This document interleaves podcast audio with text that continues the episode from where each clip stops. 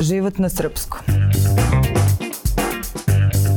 Dobar dan, ovo je Život na srpskom. Ja sam Ana Kalaba i moja gošća danas je Aleksandra Mićić iz Centra za integraciju mladih. Ovog puta fokusiramo se na decu i mlade izbeglice i migrante. Zdravo, Aleksandra. Ćao, Ana, hvala ti. U svom ovom haosu koji živimo, koliko je to sad aktuelna tema? Koliko su predrasude prema izbeglicama i dalje žive i koliko problema danas imamo s tim? Nažalost, nekako čini mi se da ta tema ne prestaje da bude aktuelna od 2015. godine kod nas. Kada se mi susrećemo sa velikim talasom e, izbjeglica i migranata koji tranzitiraju kroz Srbiju na svom putu e, uglavnom ka zemljama zapadne Evrope, bežeći od rata ili nekih drugih, da kažemo, životnih problema i muka sa kojama se suočavaju u zemljama porekla. Tako da čini mi se da uz sve ovo što proživljavamo danas mi nekako već šestu godinu za redom uh, e, živimo i tu izbjegličku i migrantsku krizu ne u tolikoj meri kao što je to bilo 2015.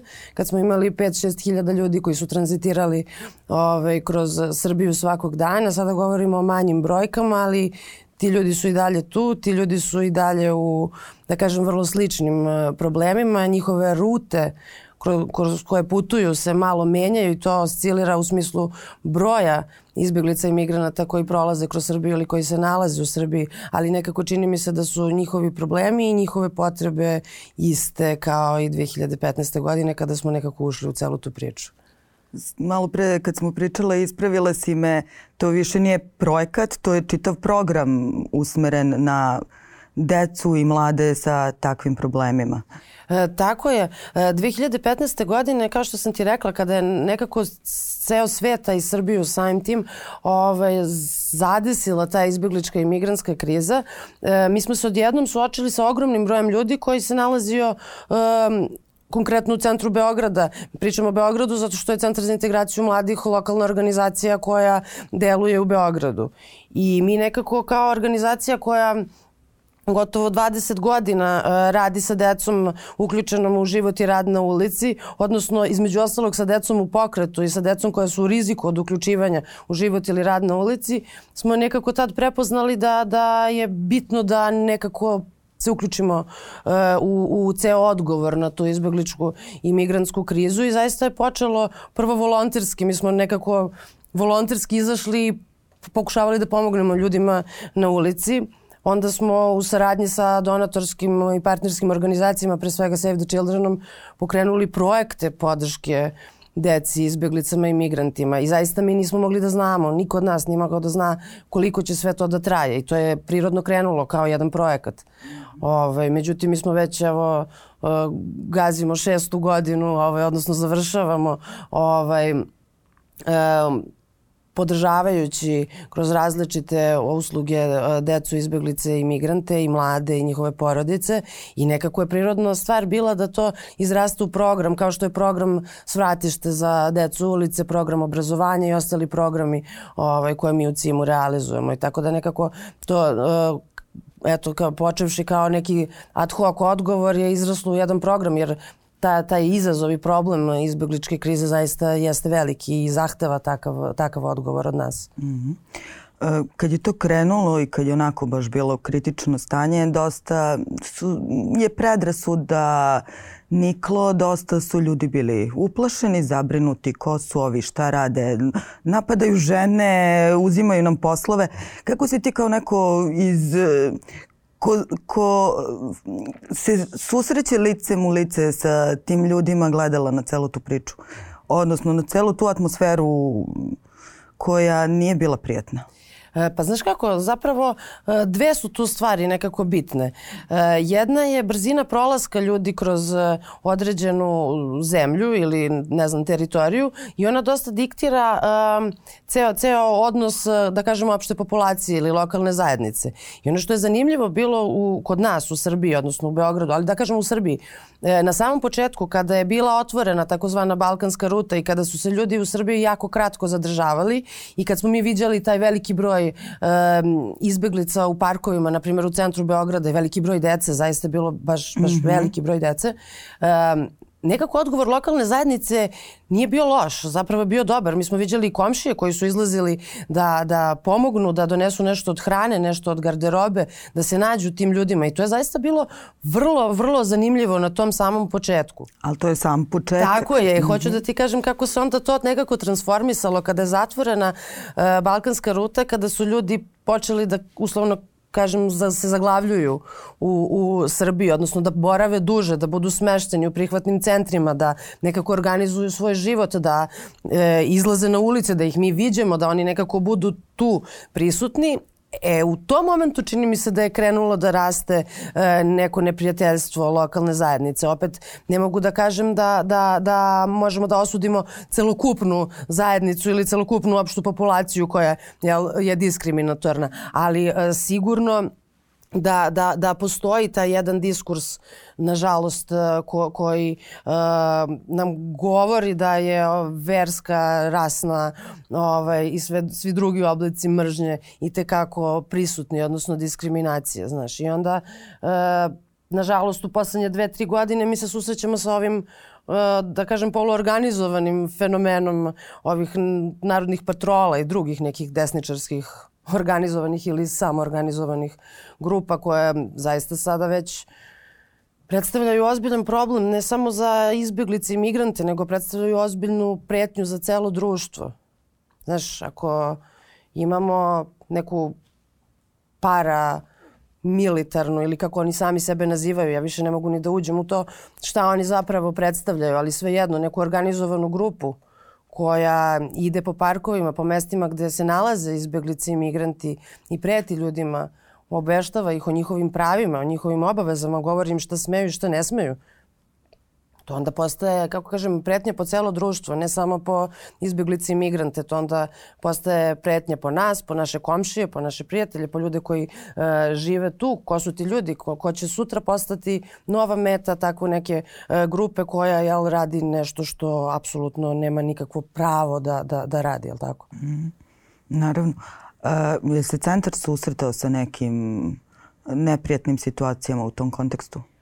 Pa od 2015. godine naši timovi između ostalog rade i u Miksalištu. Miksalište je nastalo kao jedan e, hub još e, te uh, e, 2015. godine kao odgovor na, na, na izbjegličku krizu i Miksalište prvo bitno, a sada i ovo drugo ovaj, u Gavrila Principa 15 E, se nalazi, da kažem, na hotspotu, negde gde je potrebno da bude, e, kako kažem, neki jedan urbani hub u centru grada gde će izbjeglice moći da dobiju podršku, da dobiju informacije, da budu upućeni na servise koji su im potrebni, ali i da budu e, dalje linkovani sa smeštenim jedinicama koje organizuje Republika Srbija. I kao takvo mesto ovaj, nekako je bilo važno, ali nažalost vrlo često targetirano od strane upravo tih grupa e, kao, kao mesto gde i sad tu, tu su korišćene grozne e, reči, e, znaš i sama neke grupe na, na društvenim mrežama su pravljene. Zaista mislim da nije grubo reći da se crtala meta na čelo. Ne samo nama kao Centru za integraciju mladim, mladih i ljudima koji na terenu zaista rade direktno sa, sa izbjeglicama i migrantima, već i ostalim akterima koji su tu prisutni. Kad kažem akterima, moram da pomenem i komesarijat za izbjeglice i migrante, imigracije koji um, vodi sada miksalište i ostale organizacije koje su tu prisutne, tu su predstavnici centara za socijalni rad, drugih nevladinih organizacija koji zaista svakog dana pokušavaju da na neki način se izbore sa izazovima koji svaki novi dan donosi kad su e, ljudi, e, izbjeglici i migranti u pitanju i sa problemima sa kojima se oni nose. I onda nekako ne samo da se izbjegličkoj i migrantskoj populaciji crtala meta na čelo, već i svim tim ljudima koji su pomagači, koji nekako podjednak nekako prolaze kroz uh, ceo taj izazov, je li tako? Tako da jesmo se suočavali sa nekakvim napadima, sa lepljenjem nekih e, nalepnica, pretećih, pa samim tim neko, neko, neko prisustvo njihovo, njihovo, ne znam, marširanje, pojavljivanje. Mislim, to nekako su metode zastrašivanja, to uopšte nije jednostavno. Mm. Treba krenuti zaista onako kao primer, treba krenuti kući posle tog posla a da si ti tog dana video grupu nekakvih uh, momaka kakvi jesu, uh, koji su pretili, koji su tu pokušavali da, ne znam, lupaju na vrata ili ne samo to, nije, nije čak potrebno ni to, potrebno je samo da, da, ih, da, da ih vidimo i da znamo da su tu i da se ne osjećamo bezbedno. I da vas bezbedno. gledaju i prate. Tako je, a s druge strane e, nekako dodatna frustracija je e, ta da, da zaista naši korisnici izbjeglice e, bilo mi je potrebno da shvate šta se to dešava. Naravno da se oni suočavaju da je njima jasno da, da postoji diskriminacija, da postoji mržnja i da to nije stvar Srbije, da je to stvar generalno, kako da kažem, Uh, nečega s čim se oni suočavaju na celoj ruti, jel tako? Ovaj, ali onda je nekako bilo to, to jako teško i njima nekako zaštititi ih, pokušati da u sve traume koje oni dožive u, u, kroz ceo svoj put i u zemlji porekla, pokušati da, da nekako i ih suočimo sa ovim što se dešava i da nekako im pružimo utehu i sigurnost da to ovaj, e, da su ipak bezbedni. A ko su oni? Ko, koje su njihove priče? Ajde malo da im, da im damo lice. Imam utisak da svi ga, ok, izbeglice, tužno, ali niko zaista ne zna koje su to priče. Koje... Pa, znaš kako, to su, to smo mi. To su ljudi kao mi, koji su nažalost uh, imali tu nesreću da u zemljama porekla uh, dožive ratove, stradanja, gubitke, uh, ekonomsku nesigurnost, uh, da se suoče sa užasnim siromaštvom, sa nemogućnošću da, da opstanu. To su ljudi koji kreću na put, znaš. To su ljudi kojima su životi ugroženi i koji očigledno nemaju uh, ni jednu drugu opciju. Jer nekako čini mi se sve ove godine kad pričam sa raznim ljudima pa vrlo često čujemo, ovaj, to smo i ti ja nekako malo pre čini mi se pomenule, eto to su neki momci vojno sposobni, gde su žene, gde su deca, mi to ne vidimo, to nema. Znaš, mi smo konkretno radili sa preko 15.000 dece za ovih 5-6 godina, znaš.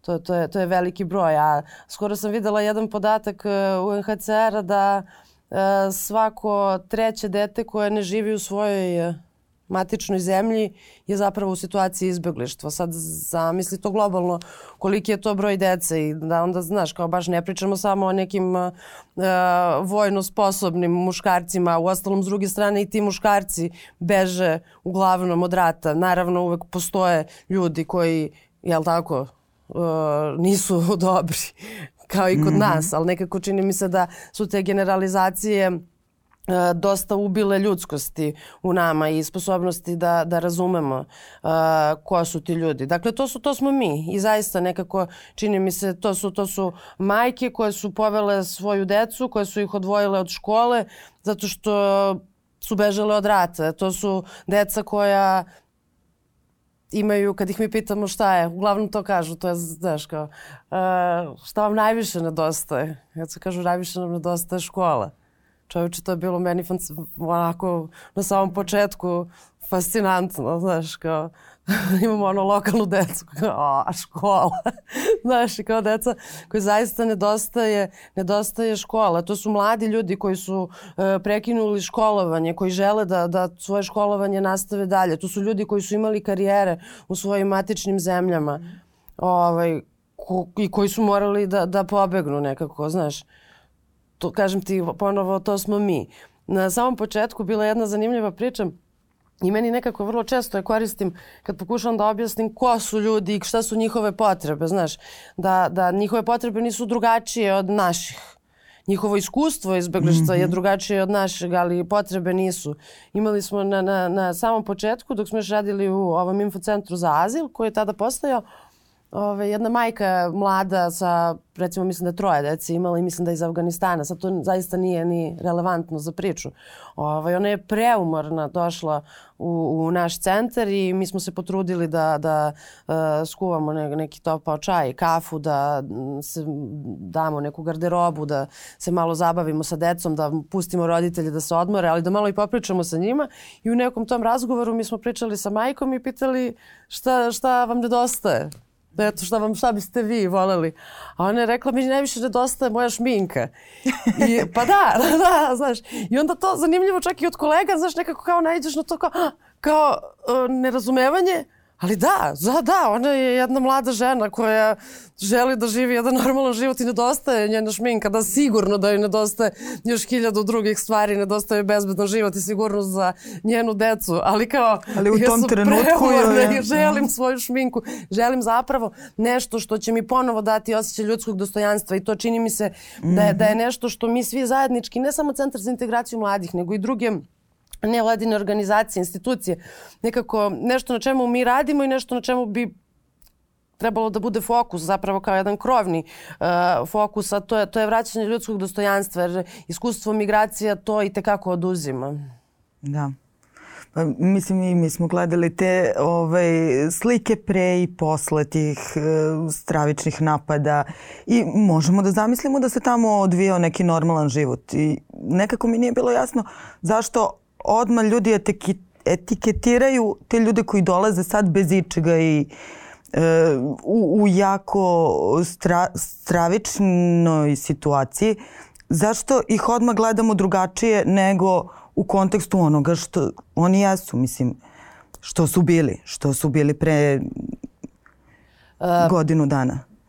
Pa, ja bih voljela da mogu nešto drugačije da kažem, ali društva su nekako, čini mi se, dosta ksenofobična i mi nekako, čini mi se, ne samo u Srbiji, nego i šire gledano uh, se susrećemo sa tom rastućom ksenofobijom. Uh, svedočimo jednoj velikoj migraciji mislim da zaista naše generacije uh, će ostati, kako kažem, svedocima jedne velike, velike migracije a istorijski gledano čini mi se da to um, nikad nije ni prolazilo lagano sve te migracije koje su se dešavale, ali to je neka neminovnost. E sad, zašto nam nedostaje empatije? Zašto ne možemo da, da uh, pogledamo te ljude kao sebi ravnima? Naravno ne svi, nego zašto postoji određeni broj populacije koji ne može to da uradi. Pa sad to, znaš, problemi su tu, razlozi su višestruki. Znaš, ali nekako čini mi se da, da, da tu ide i nekako nešto iz lične frustracije, iz uh, društvenih problema, iz socioekonomskog statusa, iz problema sa kojima se društvo suočava. E onda nekako vrlo lako kliznemo u to da, da nam je kriv uh, momak od 17 godina koji je krenuo sam na put iz Afganistana da, da, da eto, dečak da pokuša da nađe neki, neki bolji život zato što neće da učestvuje u ratu, da nam je on kriv za nešto. A gde idu? Gde najviše idu e, i pa, kako? Idu u zapadnu Evropu, ali najviše idu u Nemačku i Austriju. U suštini um, njih to, to nekako interesuje. Vrlo malo njih ostaje kod nas. Znaš, opet nažalost to isto govori ovaj, o nama, znaš. Ovaj, imamo naravno i divne primere ljudi koji su ostali i nekako volim da se osvrnem na to. Znaš, to, to, to, jako je malo, jako malo. Mi govorimo o nekom, nekom dvocifrenom broju azila koje Srbija da. Ovaj, Ne samo zato što Srbija neće da izda azil iz nekog mm -hmm. razloga, nego zato što imamo jako mali broj zaista istinskih tražilaca azila. Ovaj, sad je to neka druga priča. E, zašto se sve to dešava i kako. Ovaj, ali imamo jako lep primer. E, jedan čovek, sada već i ovaj, moj prijatelj, koji je došao iz Afganistana pre četiri godine i ovaj, ostavio tamo petoro dece i ženu. Mislim, ostavio morao je da ih ostavi da bi krenuo, da bi prokrčio put, jel tako? Ovaj, bio je smešten u prihvatnom centru, sačekao je 9 meseci koliko je potrebno da dobije, izrazio nameru da traži azil, e, sačekao je 9 meseci, dobio radnu dozvolu, e, počeo da radi za nas. On je jedan fantastičan čovek, govori mm -hmm. sedam jezika i to, to je bukvalno... A šta, šta je po profesiji? Šta je... E, pa po profi, za nas je radio kao kulturni medijator, kao prevodilac i govori sedam jezika i ovaj I nekako je postao deo, kao i svi naši kulturni medijatori koji dolaze iz izbjegličke imigrantske populacije, deo tima, deo naše zajednice i nekako bitan, bitna e, karika. Ovaj, ja prošle godine ovaj, uspeo da, da, da organizuje i da mu e, deca i žena dođu u Srbiju. Deca su uključena u škole. E, nekako on je poželeo da ostane tu, shvatio je da, da nekako može da ima dobar život u uh, Srbiji, da se integri, integrisao se u lokalnu zajednicu dosta dobro i nekako to jeste jedna, recimo da kažem, uspešna priča o integraciji. Zašto je pominjem? Zato što njih, nažalost, jako malo. Mm -hmm.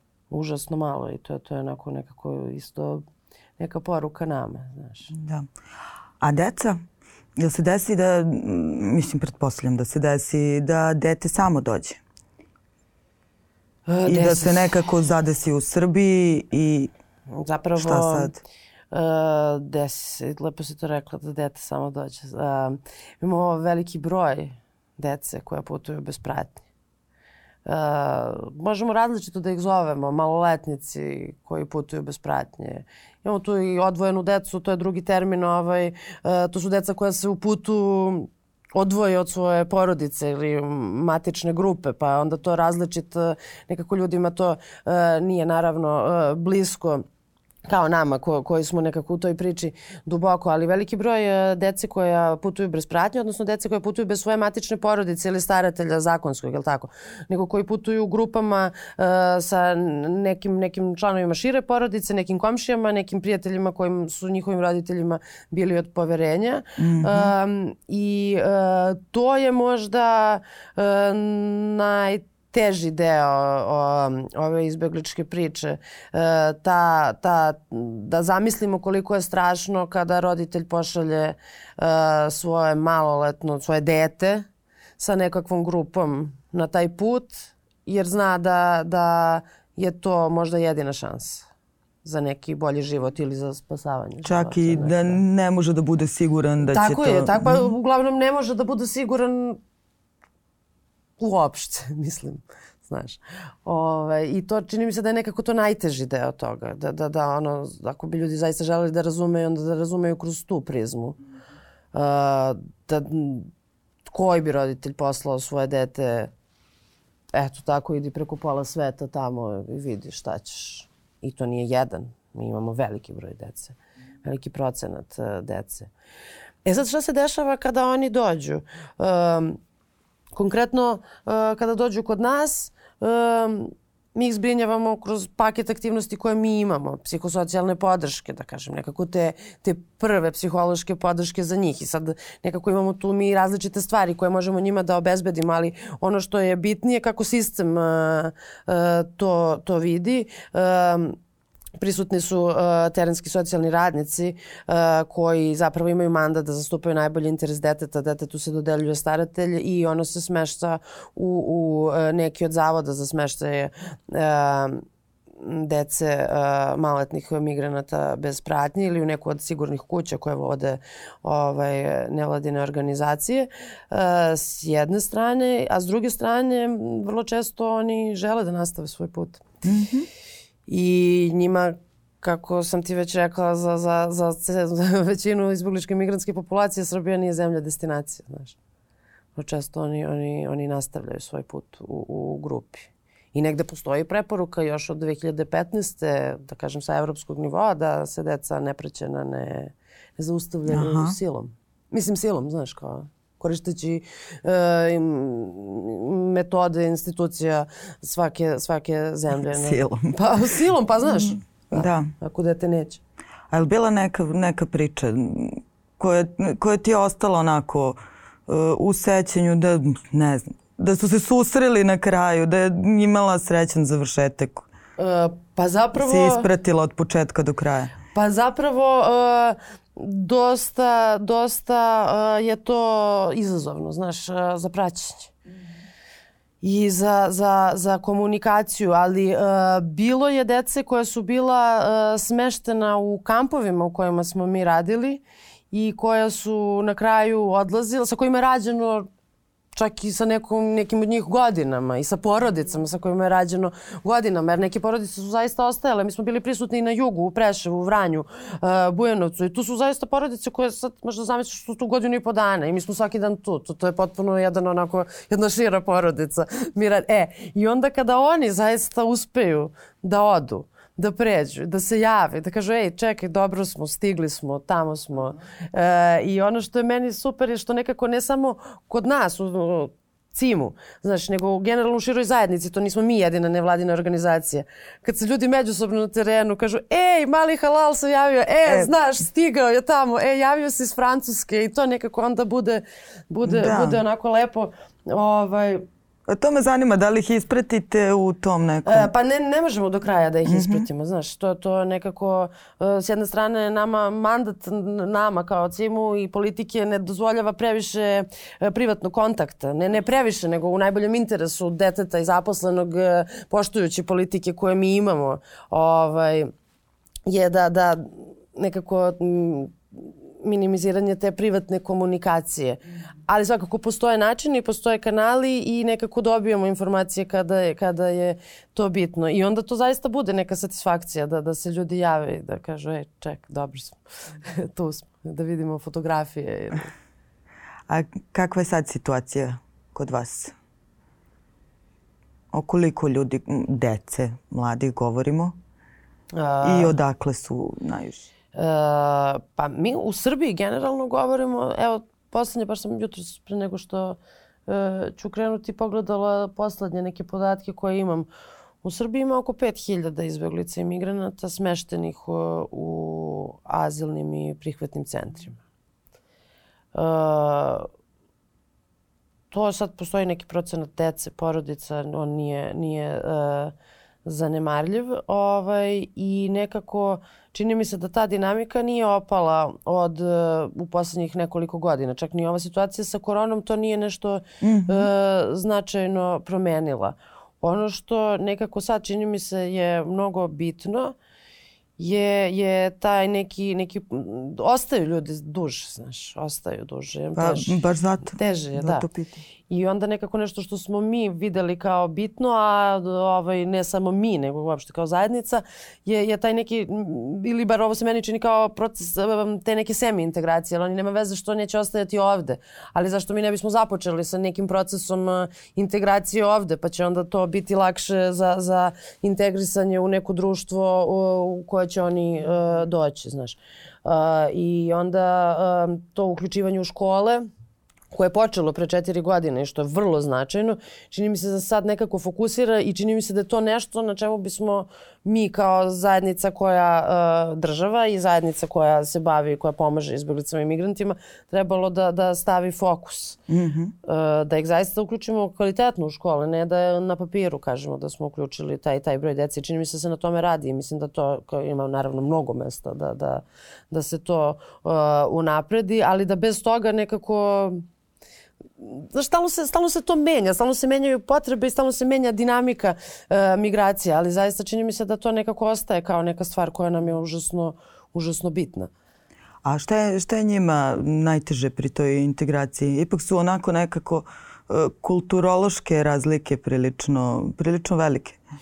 E pa jesu kulturološke razlike velike, ali nekako ja ne bih stavila fokus na to što govorimo o deci. Znaš, i o decu se vrlo lepo integrišu. Mi smo radili u Vranju nekoliko godina i deca su bila uključena u lokalne škole i ono što smo negde videli je to, to, to bilo super. I u, naročito, ali znaš, zanimljivo u manjim sredinama smo to nekako primećivali, da su deca, uh, deca, baš mala deca u školama, uh, super prihvaćena, pa smo to mi nešto spremali, neke poklone za rođendane, pa o, haljine za motoru, pa znaš, to su nekako bile te, te slatke stvari i deca se zaista nekako brže tu um, integrišu u zajednicu i bivaju uh, prihvaćena. Jesu kulturološke razlike uh, velike, ali mi se čini nekako da nisu, da nisu presudne, znaš. Mm -hmm. Da zaista ne, ne bi smela da budu presudne i da na kraju dana nisu presudne, znaš. I da nekako čini mi se najvažnije je bilo, zato, zato što ti kažem da je u malim zajednicama to lakše išlo, e, da je zapravo najbitnija stvar da, da ljudi se upoznaju međusobno. Mm -hmm i da, da e, prihvatanje i razumevanje dolazi iz upoznavanja. Jer sve ono što nam je daleko, to smo nekako baš stvarno videli na primjeru ko, ko su sad ovi ljudi, nemam pojma, oni su sad neki s nekim rančevima tu nešto, oni hodaju po ulici, meni tu ništa nije jasno. A onda kad nekako i mi tu zajedno nekako i posredujemo i kao je pa to je ta porodica, znaš, oni su živeli u Siriji, znaš, njihova deca su išla u školu, znaš, ovaj čovek je radio u apoteci, znaš, njegova... Kao, aha, pa to nekako tako, vidi, to je priča svakog drugog uh, građanina Srbije tu sad u nekom recimo mestu. Da, da, da. I čini mi se da to upoznavanje nekako, nekako najbitnije. Uh, jezik, da, dosta to biva izazovno. Ali ono što super, opet ti kažem, deca, nekako deca propričaju čoveče posle šest meseci, posle godinu dana jezik i uspevaju da, da se sporazumeju. Mislim, znaš, kao zapravo ono što hoću da ti kažem, da postoje izazovi, ali da nekako, čini mi se, uh, fokus uopšte ne bi trebalo da bude na njima, nego na, na, na um, motivaciji da, da, da, se, da se oni prevaziđu. Znaš, kao, možda to sad zvuči previše šareno, ali nekako u praksi čini mi se da zaista kad pomogneš ljudima da nađu način da razumeju, uh, on, on se i nađe, znaš. Šta je, šta je za vas sledeći korak ka tome? Pa mi ostajemo tu gde jesmo. Kao što sam ti rekla, to je izraslo u program. To znači za nas kao organizaciju da to pitanje nije neko pitanje koje se rešavalo dva meseca ili tri meseca. Ono što je za, za, za cijem bitno, mi ćemo ostati tu dok god bude uh, bila potreba i pokušat ćemo, kao što smo do sad pokušavali, da ispratimo dinamiku i da ispratimo potrebe i da se na taj način uh, prilagodimo. Uh, Trenutno smo videli da, da je uključivanje u obrazovanje nešto što je potrebno, neophodno, uključivanje u kvalitetno obrazovanje i nekako to nam je sada trenutno što se tiče izbjeglica i migranata e, fokus u radu. Hvala ti, Aleksandra. Hvala tebi mnogo.